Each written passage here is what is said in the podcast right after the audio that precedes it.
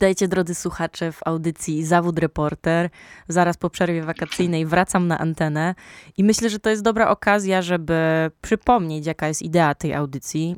Już wydaje mi się, że od roku prowadzę tę audycję, w której staram się zrozumieć wspólnie z moimi zaproszonymi gośćmi, czym jest dokument radiowy, dźwiękowy, audiodokument, feature, bo tych nazw jest mnóstwo y, krążących w świecie realizatorów audio, producentów dźwiękowych, ludzi, którzy pracują z dźwiękiem i mają ochotę tworzyć dokumenty dźwiękowe.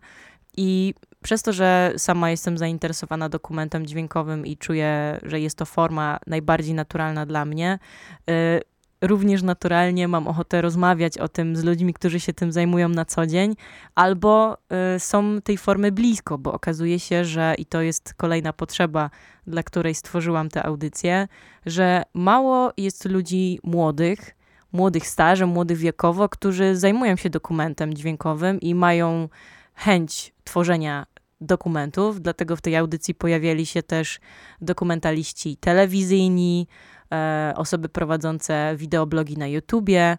I okazuje się, że jednak wszyscy e, wspólnie, pomimo tego, że korzystamy z innych form, e, mamy podobne motywacje, e, które kierują nas do tego, żeby tworzyć dokumenty opowiadające o naszym, naszym życiu, mm, o, o świecie, który, który spotykamy. I, I tak przed przerwą wakacyjną miałam okazję porozmawiać z Jackiem Szczepankiem. Spotkaliśmy się wtedy w Warszawie, rozmawialiśmy o jego budzącym się pragnieniu tworzenia dokumentów, bo Jacek, pomimo tego, że pracuje jako sound designer, montażysta, postprodukcję dźwięku również prowadzi, to amatorsko zajmuje się dokumentami dźwiękowymi i pracuje teraz nad budowaniem narracji dźwiękowej.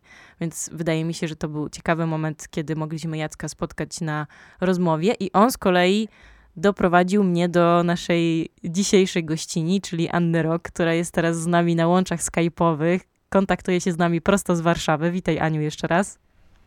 Dzień dobry. Ania, y, przedstawię cię naszym słuchaczom. Myślę, że y, Ania jest, y, musiała się pojawić w, tym, w tej audycji i, i to na, naturalnie, że tutaj jest, y, ale przedstawię cię właśnie, czym się zajmujesz, bo rozmawiamy o dokumencie dźwiękowym, a nie bezpośrednio się nim interesujesz i zajmujesz, bo przede wszystkim y, jesteś realizatorką dźwięków w filmach fabularnych i dokumentalnych. I jest jeden artykuł wywiad z tobą w, zamieszczony w internecie e, dla wysokich obcasów, który też sobie przeczytałam przed naszym spotkaniem, gdzie mówi, że, że zawodowo zajmujesz się słuchaniem ludzi.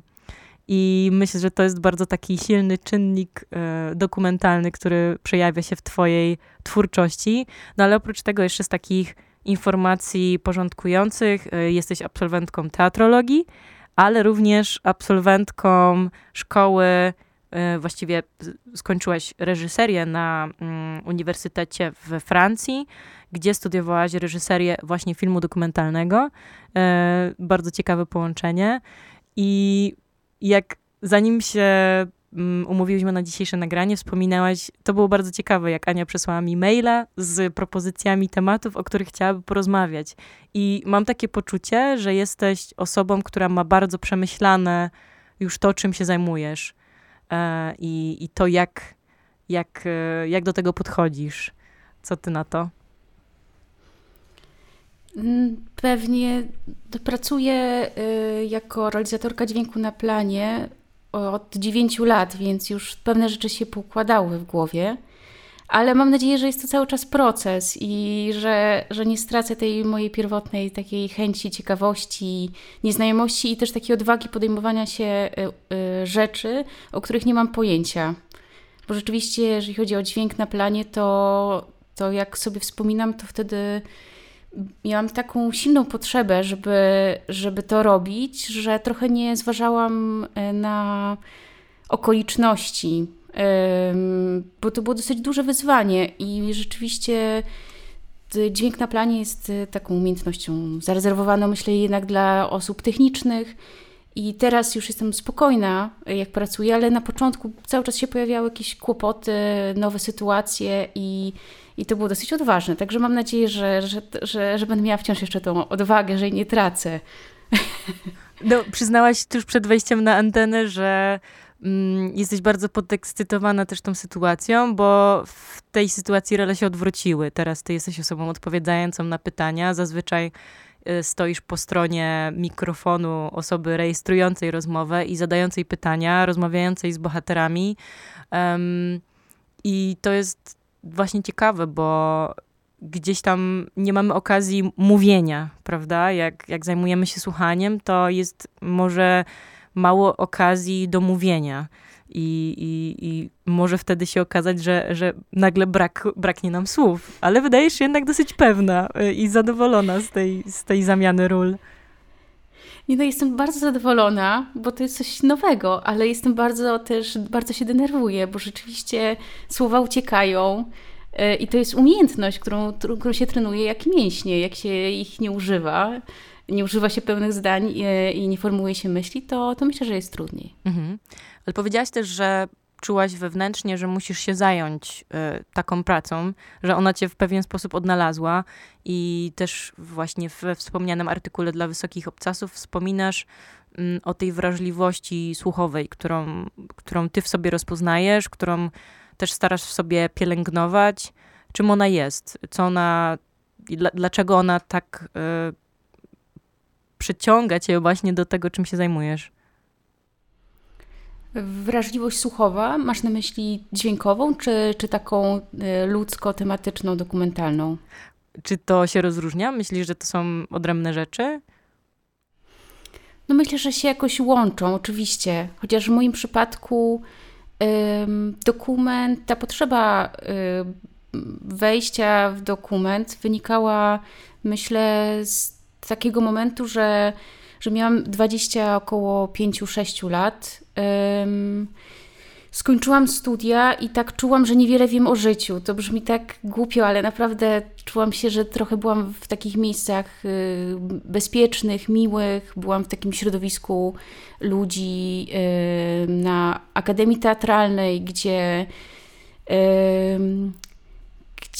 środowisko jest bardzo małe i bardzo siedzi w swoim jakby zakresie zainteresowań. I czułam, że ogromną potrzebę, że żebym jakkolwiek się czuła bezpieczniej, to muszę szybko wypłynąć i wręcz na antypodach tych tematów, które były mi bliskie do tej pory, rozejrzeć się, co się dzieje. I dokument stał się idealną, tak naprawdę, idealnym narzędziem.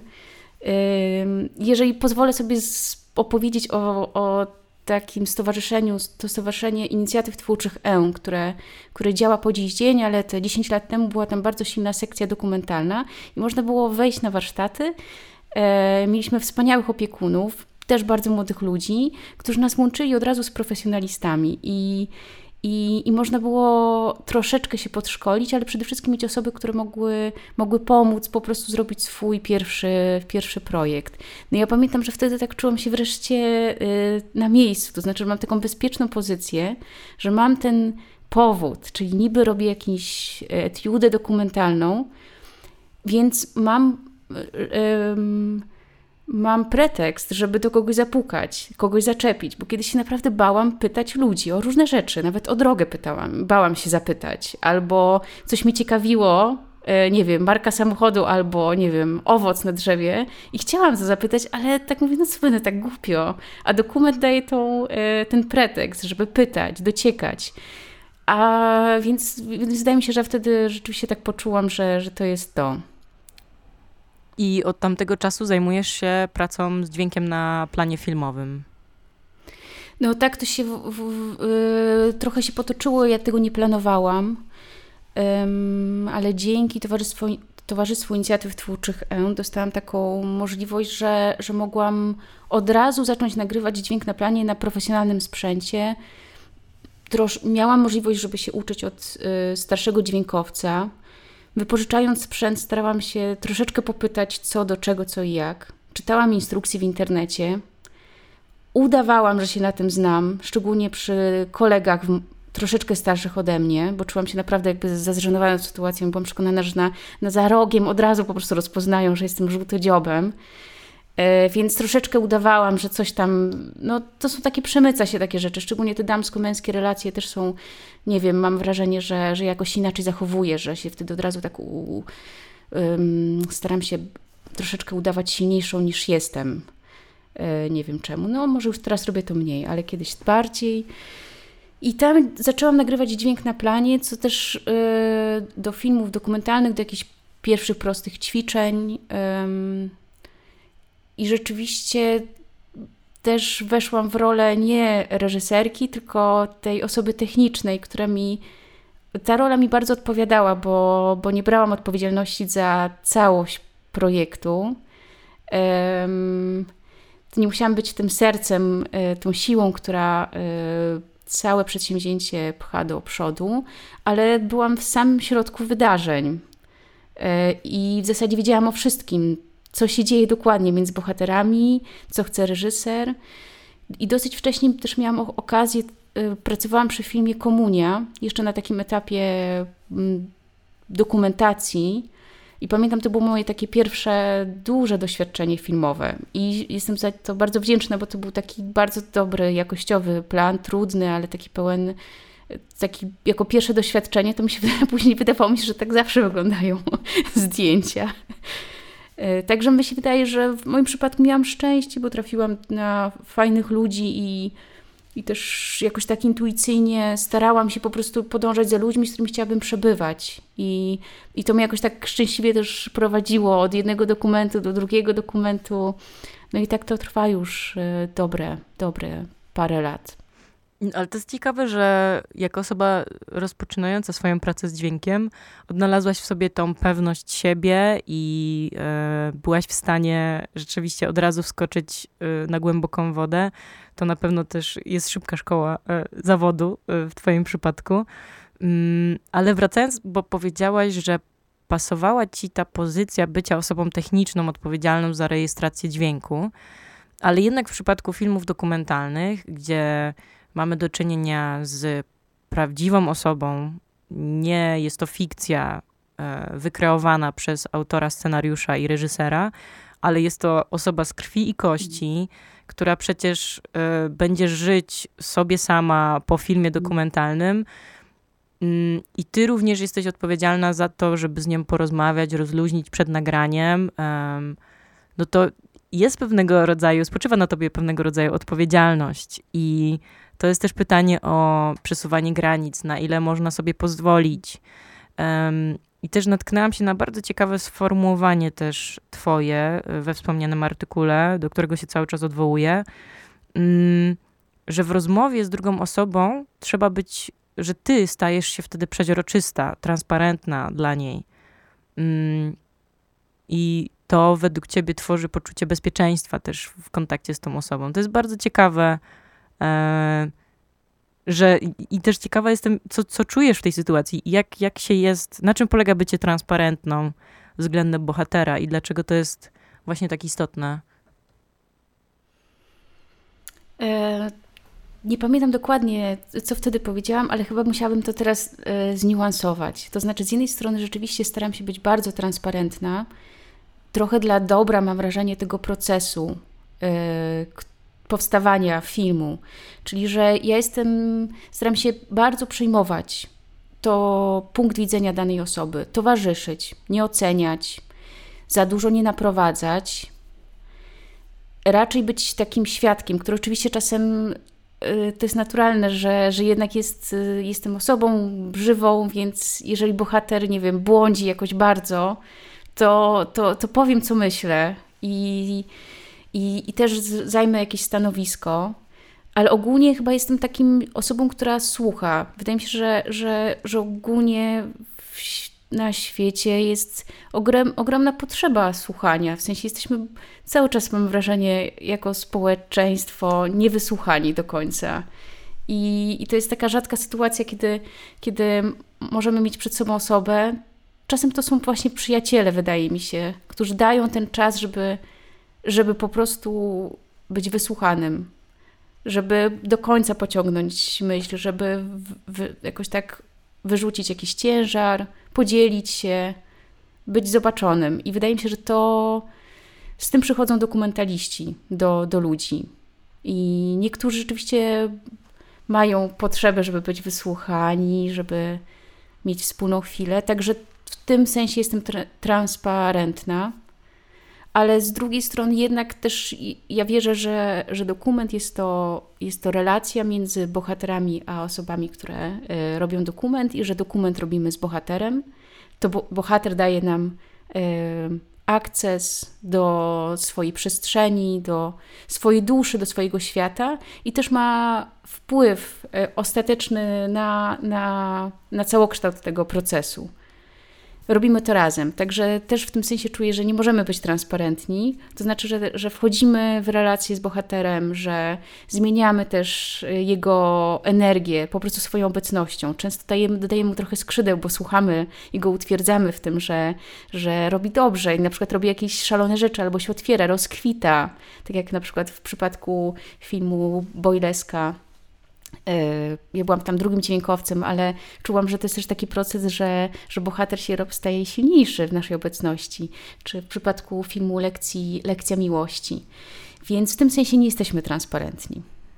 I w sumie dziękuję Ci, że to właśnie tak zniuansowałaś, bo to pokazuje, że mm, Twoja postawa wydawałoby się, że jest bierna, bo stoisz styczką, rejestrujesz to, co jest e, mówione na planie.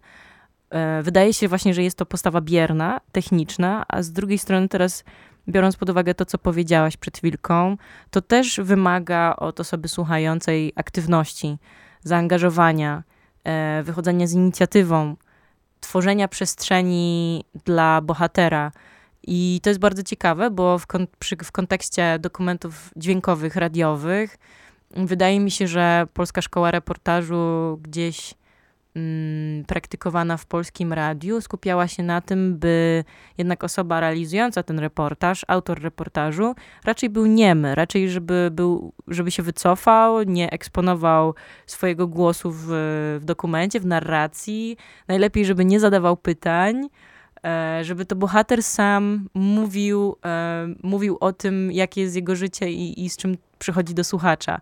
Ale to jest pewnego rodzaju sztuczna sytuacja, prawda? Bo, bo to jest właśnie gra pomiędzy obojgiem ludzi, którzy się po prostu ze sobą spotykają, żeby porozmawiać. To nie jest tylko słuchanie, tylko właśnie rozmowa.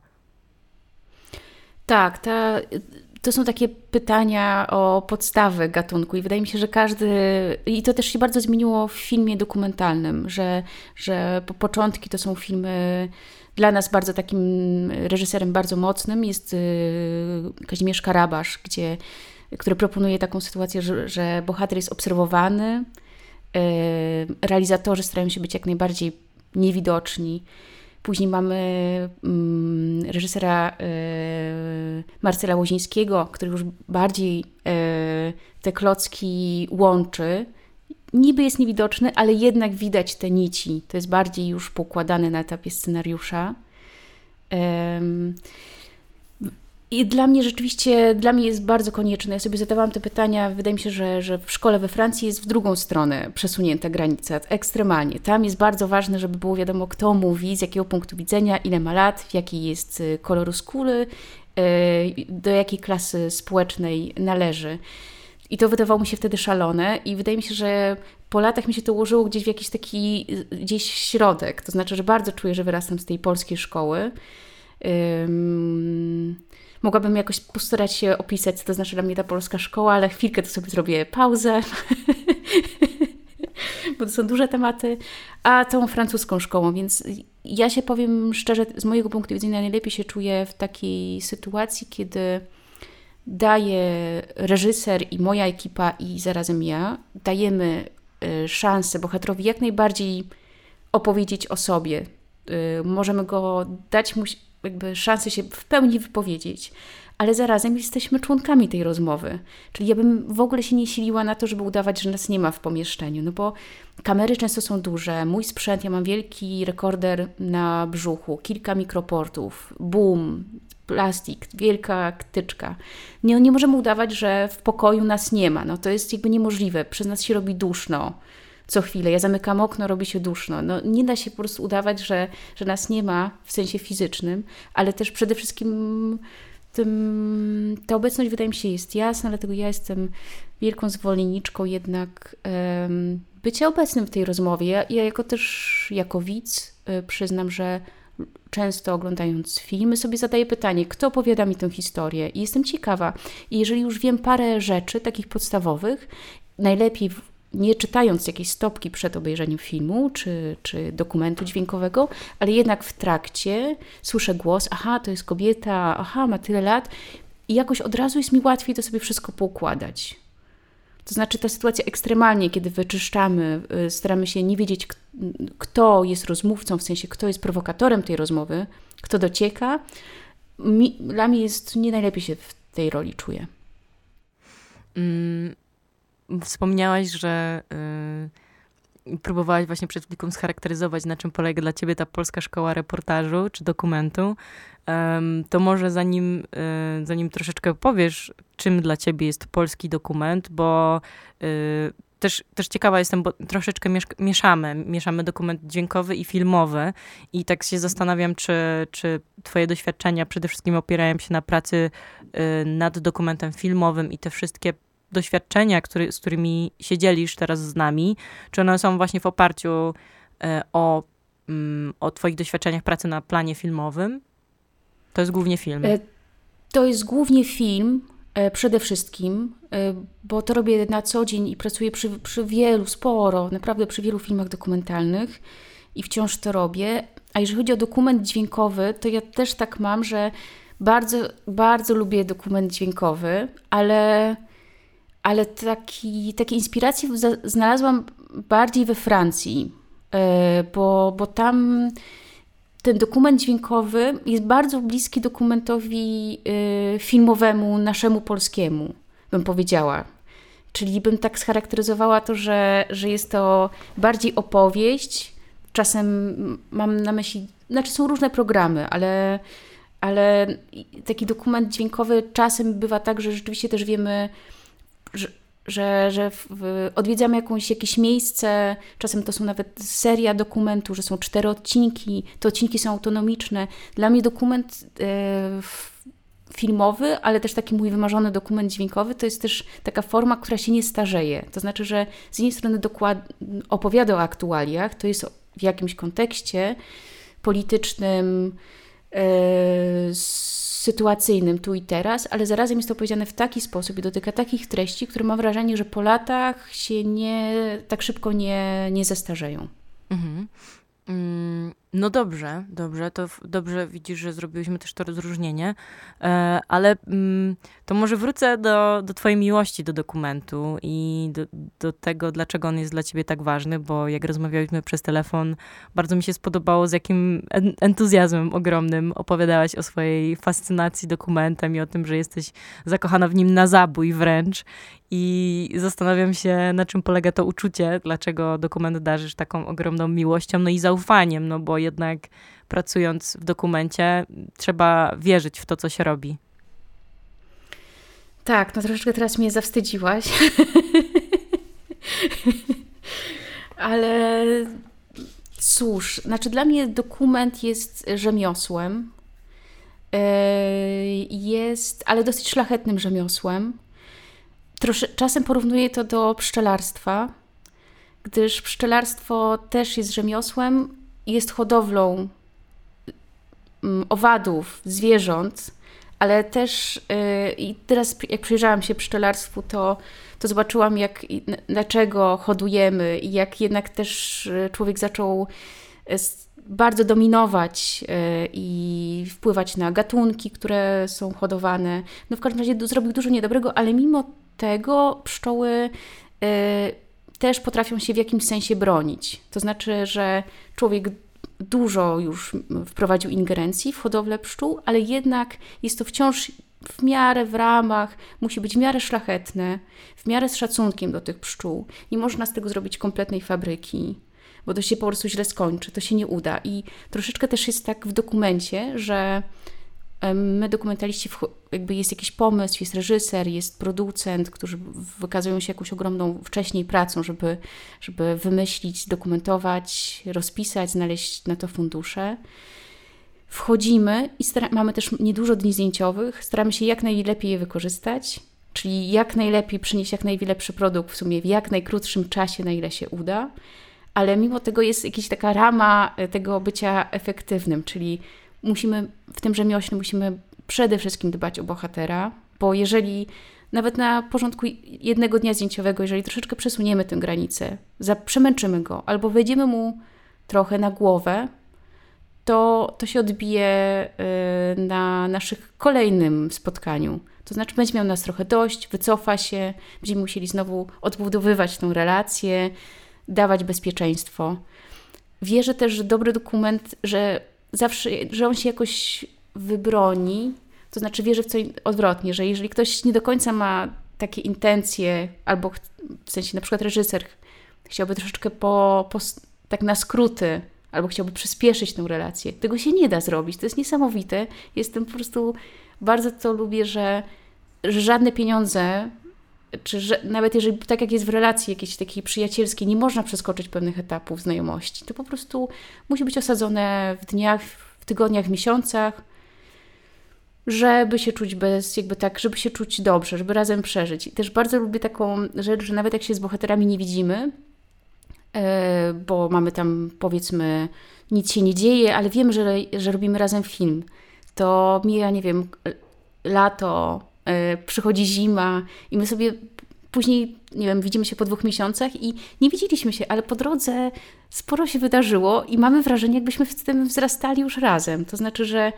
że te miesiące procentują na naszą znajomość, bo już się po prostu znamy i jakoś chyba to mnie tak uspokaja w dokumencie, że, że to musi być mimo wszystko gdzieś u podstaw wynikać z takich w miarę ułożonych, dobrych relacji. Tam są zawsze oczywiście sytuacje, jak to między ludźmi się różne są napięcia, rozczarowania czasem, e, ale, ale musi być to z takim jakimś szacunkiem do drugiej osoby.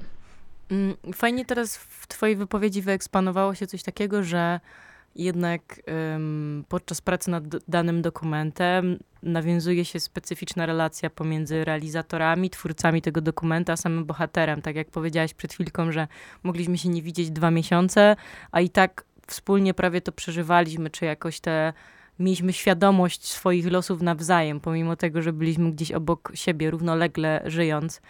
Mm, to jest, to jest bardzo ciekawe, bo y, rzeczywiście los wtedy tej osoby y, przestaje być dla nas obojętny, przestaje być jedną z wielu osób, które wokół nas żyją, tylko zaznacza gdzieś tam w naszej mapie mózgowej e, pionkiem swoją obecność i gdzieś tam po prostu o niej myślimy, e, gdzieś, gdzieś jest nas blisko, więc to jest też bardzo ciekawe. Chciałam też nawiązać jeszcze do, do tego, że opowiedziałeś, że dla ciebie dokument jest rzemiosłem. Tutaj ciekawe to porównanie do pszczelarstwa, bardzo mi się spodobało, ale też wydaje mi się, to jest pewnego rodzaju zmiana przychodząca chyba też z młodym pokoleniem, bo mm, znowu nawiążę do dokumentu dźwiękowego i mm, środowiska Polskiego Radia, które wydaje mi się, że zależy mu, by traktować dokument dźwiękowy jednak jako bardziej artystyczną formę wyrazu dźwiękowego. To znaczy mm, bliską też słuchowisku, czyli słuchowisku radiowemu, mm, czy poezji dźwiękowej, że jednak nie jest to czysta publicystyka i relacja, informacja, tylko już opowieść, która wymaga jakichś bardziej zaangażowanych artystycznych środków wyrazu. No i tutaj w kontraście jest Twoja odpowiedź, która e, raczej mm, podkreśla tą bardzo trudną pracę, delikatną, na żywym organizmie, na człowieku przecież, wymagającą też dużego szacunku. I, i, I, też się zastanawiam, co, co myślisz o tej takiej artystyczności dokumentu, bo wydaje mi się, że dokument, i to może jest widoczne na festiwalu Dogs Against Gravity, że wydaje mi się, że te dokumenty chcą e, aspirować do, do miana takich filmowych w sensie, żeby, żeby dokument filmowy, ale też dokument dźwiękowy by był na równi traktowany z innymi gatunkami sztuki, czy filmowej, czy dźwiękowej. Y, to, to ciekawe, co powiedziałaś. Bardzo, bardzo się cieszę, y, bo rzeczywiście ja też bym chętnie, nie, znaczy tak nie znam dobrze środowiska, tak bardzo właśnie dźwiękowego, radiowego, reportażowego w Polsce. Także to ciekawe, co się, co, co mówisz. Chyba wrócę do Twoich audycji. znaczy, i chyba mówiąc rzemiosło, to chciałam podkreślić taką, taką dbałość o narzędzia, jakąś kulturę używania narzędzi, czyli takiego dłuta, y, który, że nabiera się, dla mnie jest to raczej komplement w ten sposób. Rzemiosło, czyli coś, gdzie ma jakieś takie określone są narzędzia, jest jakaś określona kultura, którą też się przekazuje, doświadczenie daje też y, umiejętności to to mam na myśli mówiąc yy, rzemiosło, że coś też bardzo konkretnego materia, konkretna materia, bym tak to nazywała, która rządzi się jakimiś już przewidywalnymi prawami. Ale jednak ja, ja, to, ja to traktuję też jako działanie, to znaczy te dokumenty, które ja czasem oglądam, są dla mnie bardzo artystyczne w tym sensie, że ta forma yy, i ten efekt finalny jest dla mnie często um, ogromnym przeżyciem wizualnym i dźwiękowym. To znaczy, ja bym na przykład, o, tylko opowiem o takim jednym filmie, mogę? Um, jest, jest, jest dokument, nie znam za bardzo twórców. A, twórcami, słuchajcie, są e, para antropologów. Zrobili film, który nazywa się Lewiatan, i do, film opowiada o masowym połowie ryb. W obrazku mamy zdjęcia z dużych kur, Y, nagrane, to są zdjęcia, akcja dzieje się na e, dużych łodziach rybackich. Zdjęcia z GoPro, kiepskiej jakości, bardzo dużo kamer umieszczonych w bardzo różnych miejscach. Dźwięku nie można było nagrywać na, na planie, w sensie tak setkowo. Oczywiście byli tam, był tam dźwiękowiec yy, i zebrał bardzo dużo materiału, ale tak naprawdę wszystko się, cała warstwa dźwiękowa była yy, wykreowana w, w postprodukcji. Ja miałam tą okazję, że obejrzałam to na dużym ekranie, w kinie i dźwięk tam to było jakaś... To było, to było jak koncert muzyki współczesnej w świetnej jakości, w takim, że, że, a, że, że, że, czułam się przejęta. To znaczy, że to było i smutne, i przerażające, i bliskie życia, ale zarazem piękne, takie duchowe. Yy, więc w tym sensie, o tym filmie mówiąc, mogę powiedzieć, że te narzędzia były artystyczne, że ten film jest artystyczny, chociaż dotyczy bardzo konkretnych yy, zjawiska, jak yy, masowy połów ryb. Tam jest zaledwie pojawia się jakiś cytat na początku, malutki komentarz. Dla mnie jest to film, powiedziałabym, zaangażowany politycznie, tylko który używa właśnie bardzo artystycznych środków, więc to nie jest film z te sztandarami, gdzie mówimy uważajmy na ten masowy połów ryb, prawda? Chociaż w zasadzie taki jest przekaz tego filmu, ale on jest bardziej o przeżyciu. To znaczy, że czułam się jak na jakimś, e, na jakimś koncercie, gdzie docierają do mnie, do, do mojego ciała, bo odbieram to bardzo fizycznie. I te treści też tak się troszeczkę układały, to się jakoś łączyło z, z obrazami. I pamiętam, że ja też wyszłam z tego filmu, trochę nie wiedziałam, co myśleć. Po prostu musiałam go sobie tak. On został ze mną, jak widziałam naprawdę już 7 lat temu a wciąż jakoś go jest dla mnie, wciąż go przeżywam, wciąż jest dla mnie jakimś, jakąś referencją. Więc w tym sensie dla mnie film dokumentalny tym bardziej może być naprawdę artystycznym, wizualnym, dźwiękowym przeżyciem, takim na miarę bym powiedziała dużej rzeczy, opery, no nie? E, także jeżeli chodzi o środki, to wydaje mi się, że jest to często na bardzo wysokim poziomie. W sensie realizacji, w sensie wizualnym, w sensie też dźwiękowym, co, co film to, to inne akcenty, i, ale możliwości są nies niesamowite. Mhm. Um, wróćmy jednak do, twojej, do Twoich studiów we Francji, bo wydaje mi się, że to też jest jakiś taki przełomowy moment w Twojej karierze. E, wspomniałaś, czy albo to wyczytałam właśnie z tego artykułu, że mm, zdecydowałaś się na te studia, żeby w pewien sposób uzasadnić dyplomem e, swoją obecność na planie. W sensie, że, że, że uzyskanie dyplomu szkoły, w której miałaś się uczyć reżyserii filmów dokumentalnych, pozwoli ci być bardziej kompetentną. Ale czy tak rzeczywiście było? Czy, czy to mm, jakoś cię uspokoiło? E, rzeczywiście to mnie uspokoiło, bo, bo ta szkoła no była niesamowitym doświadczeniem, ale w sensie technicznym nie nauczyłam się niczego na temat dźwięku tak bardzo. Niestety. Ale też ja widziałam, że tam będzie bardziej reżyseria filmów dokumentalnych, e, co też nie sprawiło, że zostałam się reżyserką, bo się po prostu boję robić te rzeczy tak w pełni. Ale, ale bardzo mi dała, dużo spokój dała mi ta szkoła. Jakoś otworzyła horyzonty, też zobaczyłam, jak są inne światy.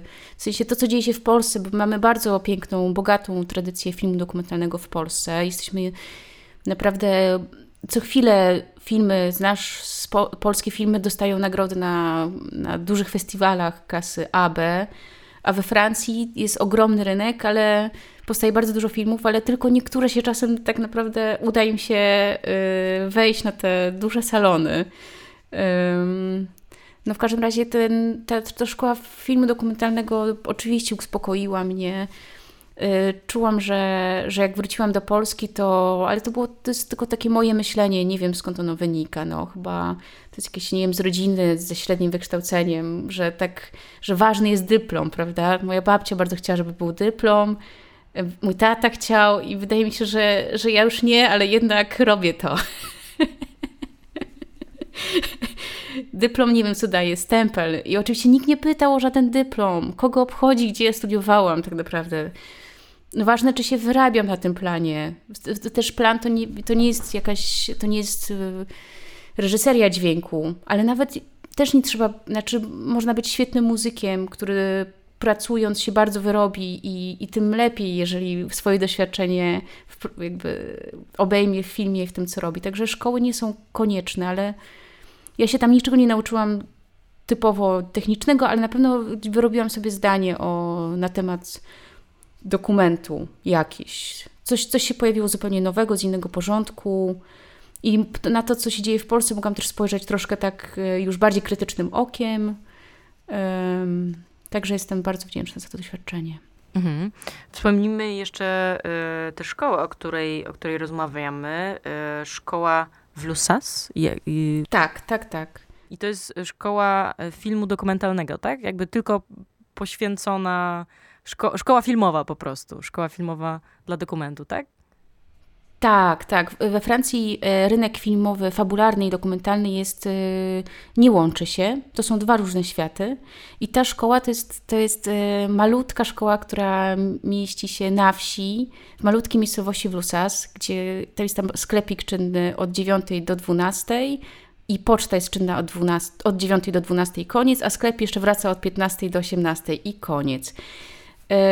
I oprócz tej szkoły tam jest cała taka wioska dokumentalna, bo to się zaczęło od tego, że, że, że producent Jean-Marie Barb pracował w Paryżu bardzo scentralizowane wszystko, trudno się tam dostać. I on mówi, ale może mi się uda pracować z mniejszej miejscowości od siebie. I, i tak z, zaczął tam, na początku stworzyć malutki festiwal koni, później filmu dokumentalnego, później szkoła, kilka e, domów produkcyjnych, kilka, są z kilku dystrybutorów, którzy tam mają po prostu swoje biura.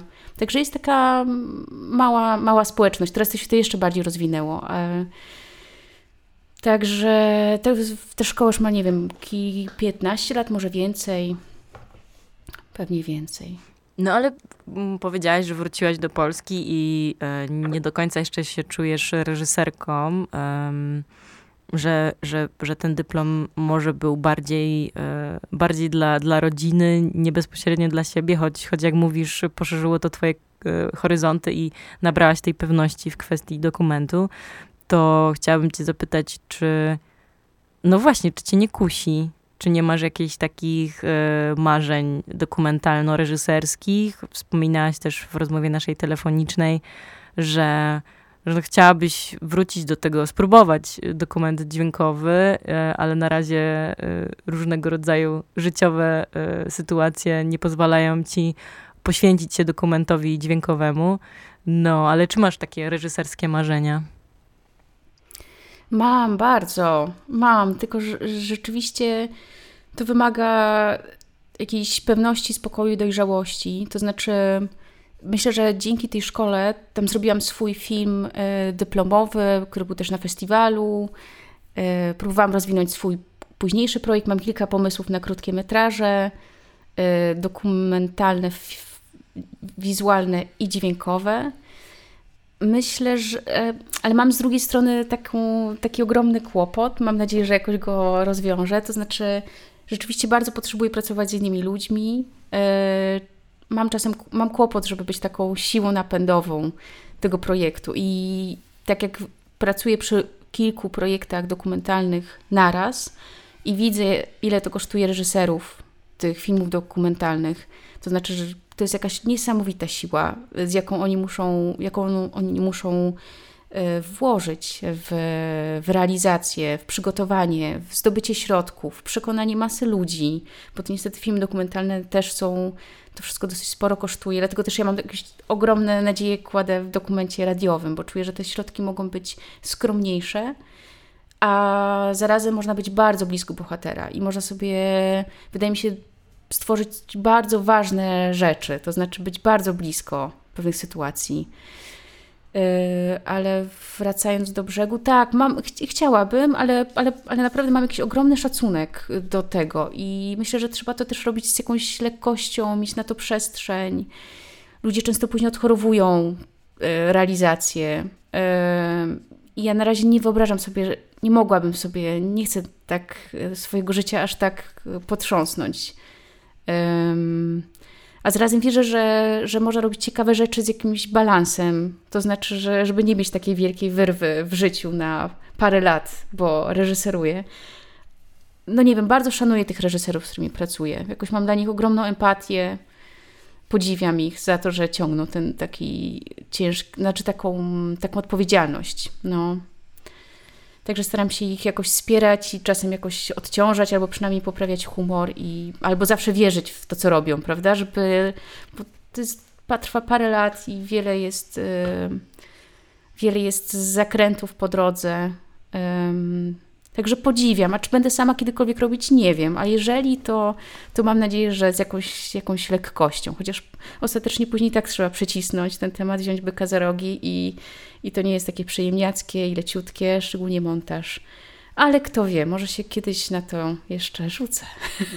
No, życzę Ci tego, to znaczy rzeczywiście znalezienia e, osób do współpracy, z którymi e, poczułabyś się swobodnie i, i, i naprawdę skumulowałyby się Wasze energie do stworzenia wspólnie dokumentu dźwiękowego e, czy filmowego, bo oczywiście życzę Ci jednych i drugich. Mm. Czyli nie chcesz zdradzać y, pomysłów na dokument dźwiękowy, które gdzieś ci się tam kotłują w głowie, jakichś marzeń realizacyjnych? Mam parę, mam parę. Z jednych na przykład chciałabym. A propos pszczelarstwa, okazuje się, że są osoby na świecie i w Polsce jest ich sporo, które starają się odtwarzać tradycyjne stare gatunki pszczół na przykład jest taka pszczoła kampinoska, która została kompletnie zdominowana przez krainkę, przez gatunek bakwas, czyli te właśnie hodowlane.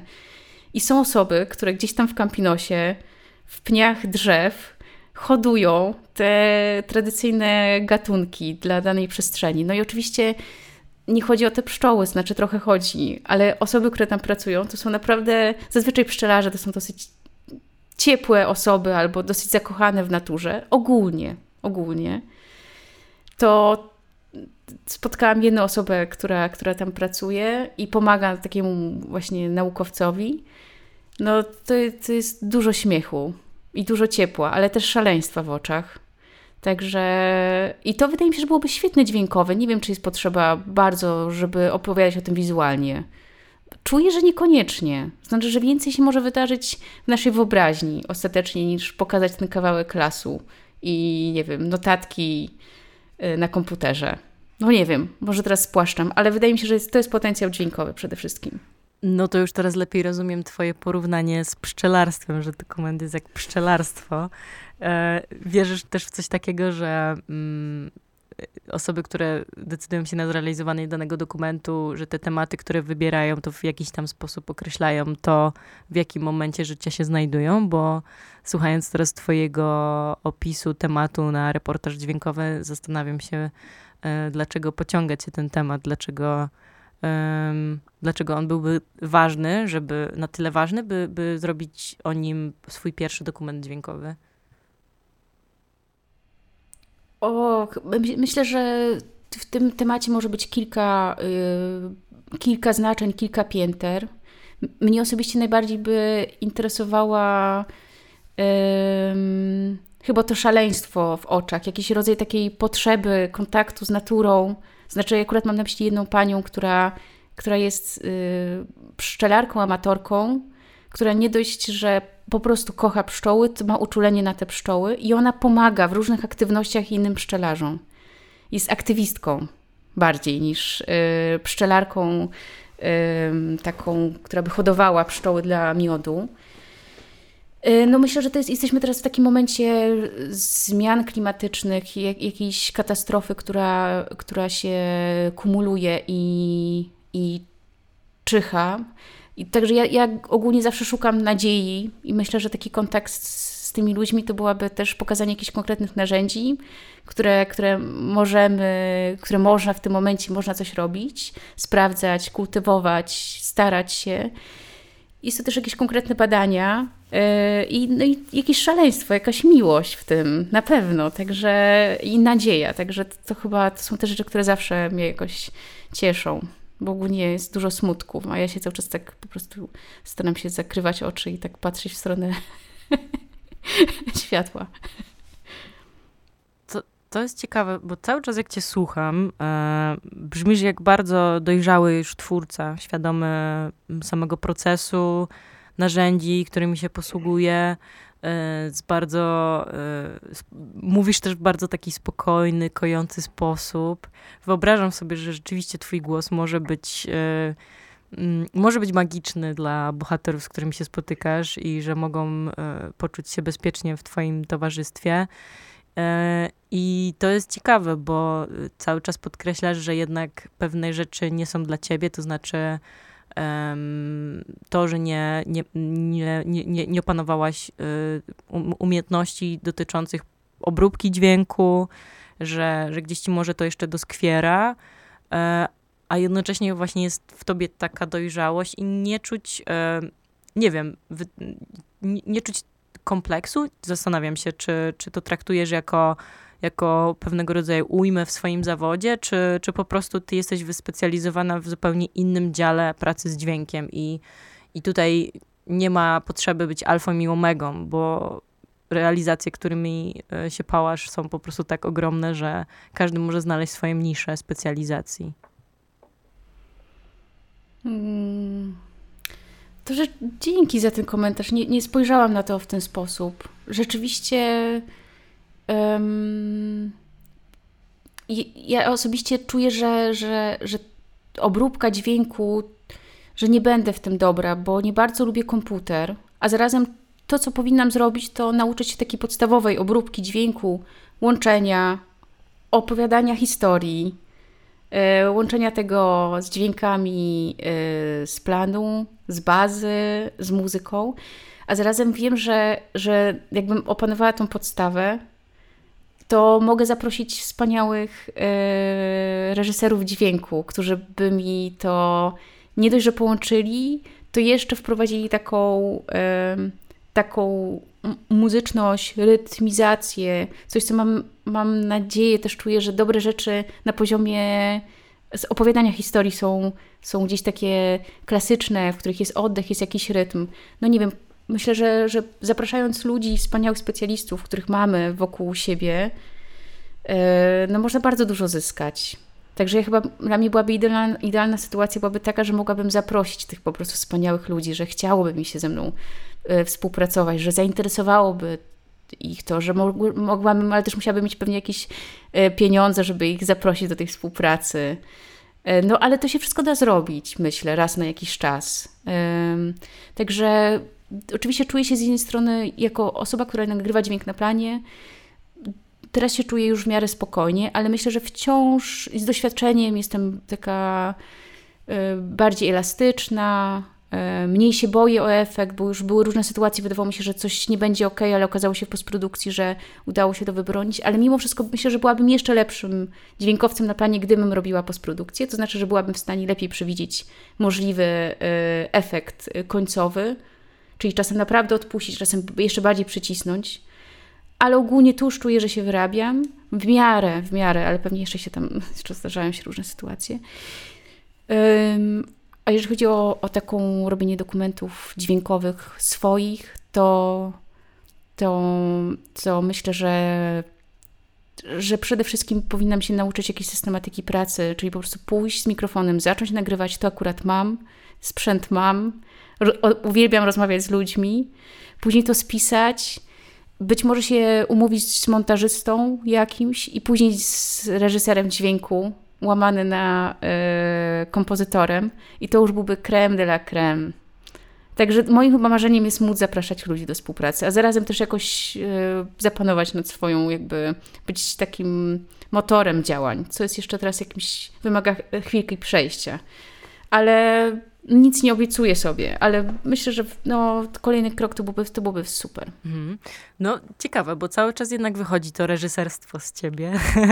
E, przynajmniej w, tym, w tej formie, jeśli rozumiemy reżyserię właśnie jako osobę, e, która inicjuje sam proces twórczy i zaprasza do współpracy mm, osoby, które wspólnie z, z nią tworzy film bądź dokument dźwiękowy.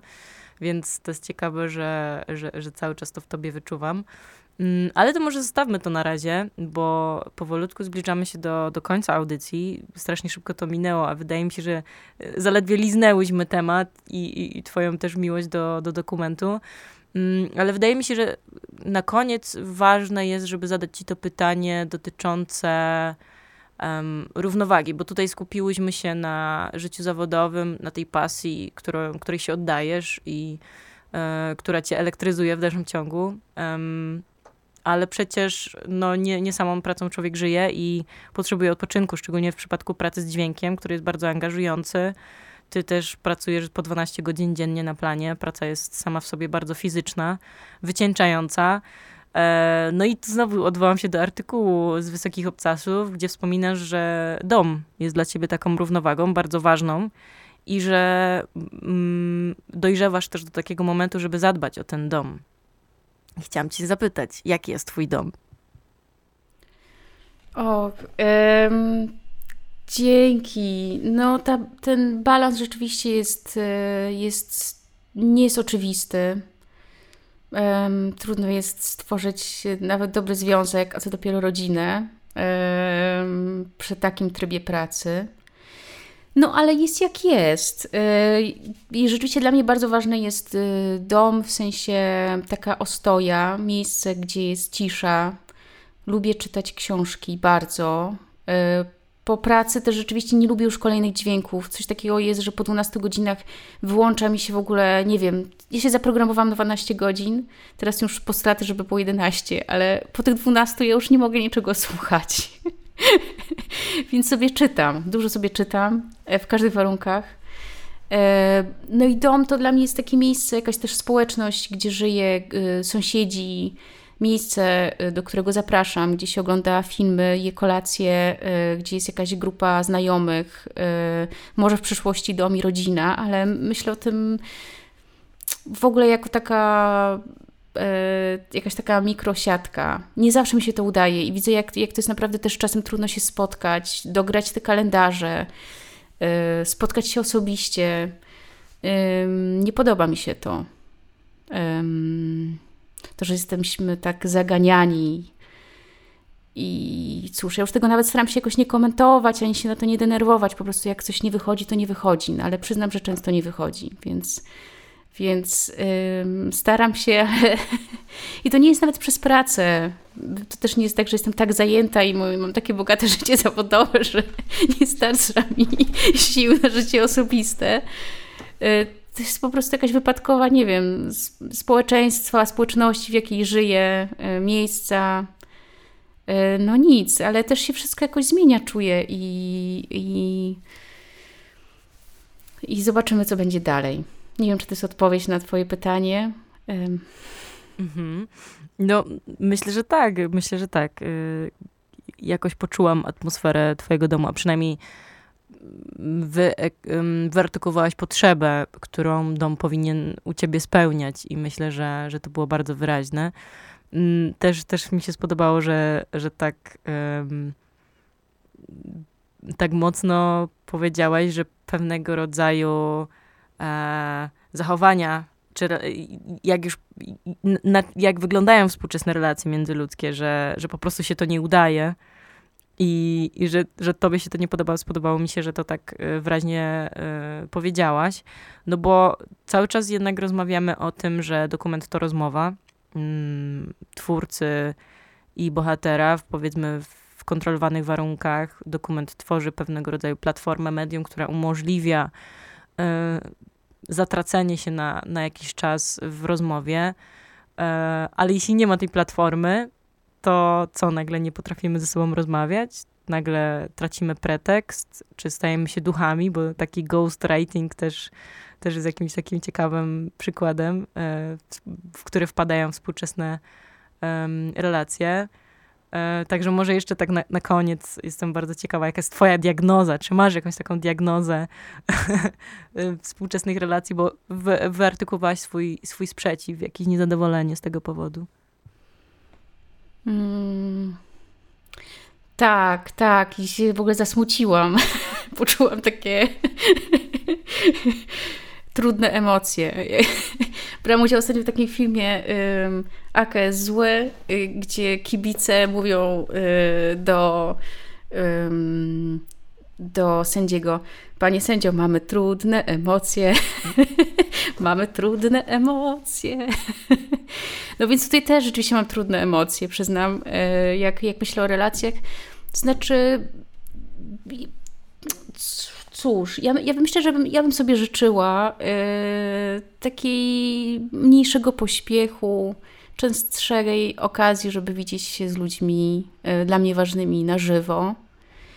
I uwielbiam taką instytucję, jak spędzać czas. Z czasów, nie wiem, kolonijnych, podstawówkowych było takie pytanie, jak spędzić czas, czyli jak na przykład spędzić sobotę, czyli jak zbić te grube godziny, które się tak po prostu przelewają, jak e, jakiś, nie wiem, kompot po prostu w, w dzbanku. Więc ja, ja kocham takie sytuacje, kiedy mogę po prostu spędzać z kimś czas. No to urasta teraz do jakiegoś wydarzenia, że jadę na przykład, nie wiem, na narty i spędzam czas. No i tego sobie życzę. Ale takie rzeczy się zdarzają, także właściwie bez diagnozy, bez smutków, ale spędzajmy ze sobą czas, jeżeli się da, prawda? No, jak najwięcej. No dobrze, to w takim razie tą puentą zakończymy nasze dzisiejsze spotkanie. E, dziękuję Ci, Aniu, e, że, że byłaś, e, że, że zechciałaś pojawić się właśnie w audycji i że mogłyśmy porozmawiać wspólnie o tym, co nas interesuje. Bardzo się cieszę, że, że właśnie e, po, że, że przekazałaś mi porównanie pszczele, porównanie z pszczelarstwem. Bardzo to na mnie zadziałało obrazowo. No i życzę Ci wszystkiego dobrego w Twoich przyszłych staraniach reżyserskich i e, e, techniczno-realizatorskich. Niech się dzieje. Dziękuję bardzo. Dziękuję za wysłuchanie i też trzymam kciuki i um, za działania. I w ogóle to wspaniała idea, co za pomysł na taką audycję. Zaraz siadam, siadam do archiwów. Dziękuję Ci. Dzięki. To dziękujemy również słuchaczom, którzy, którzy towarzyszyli nam przez tę godzinę. No i do usłyszenia następnym razem.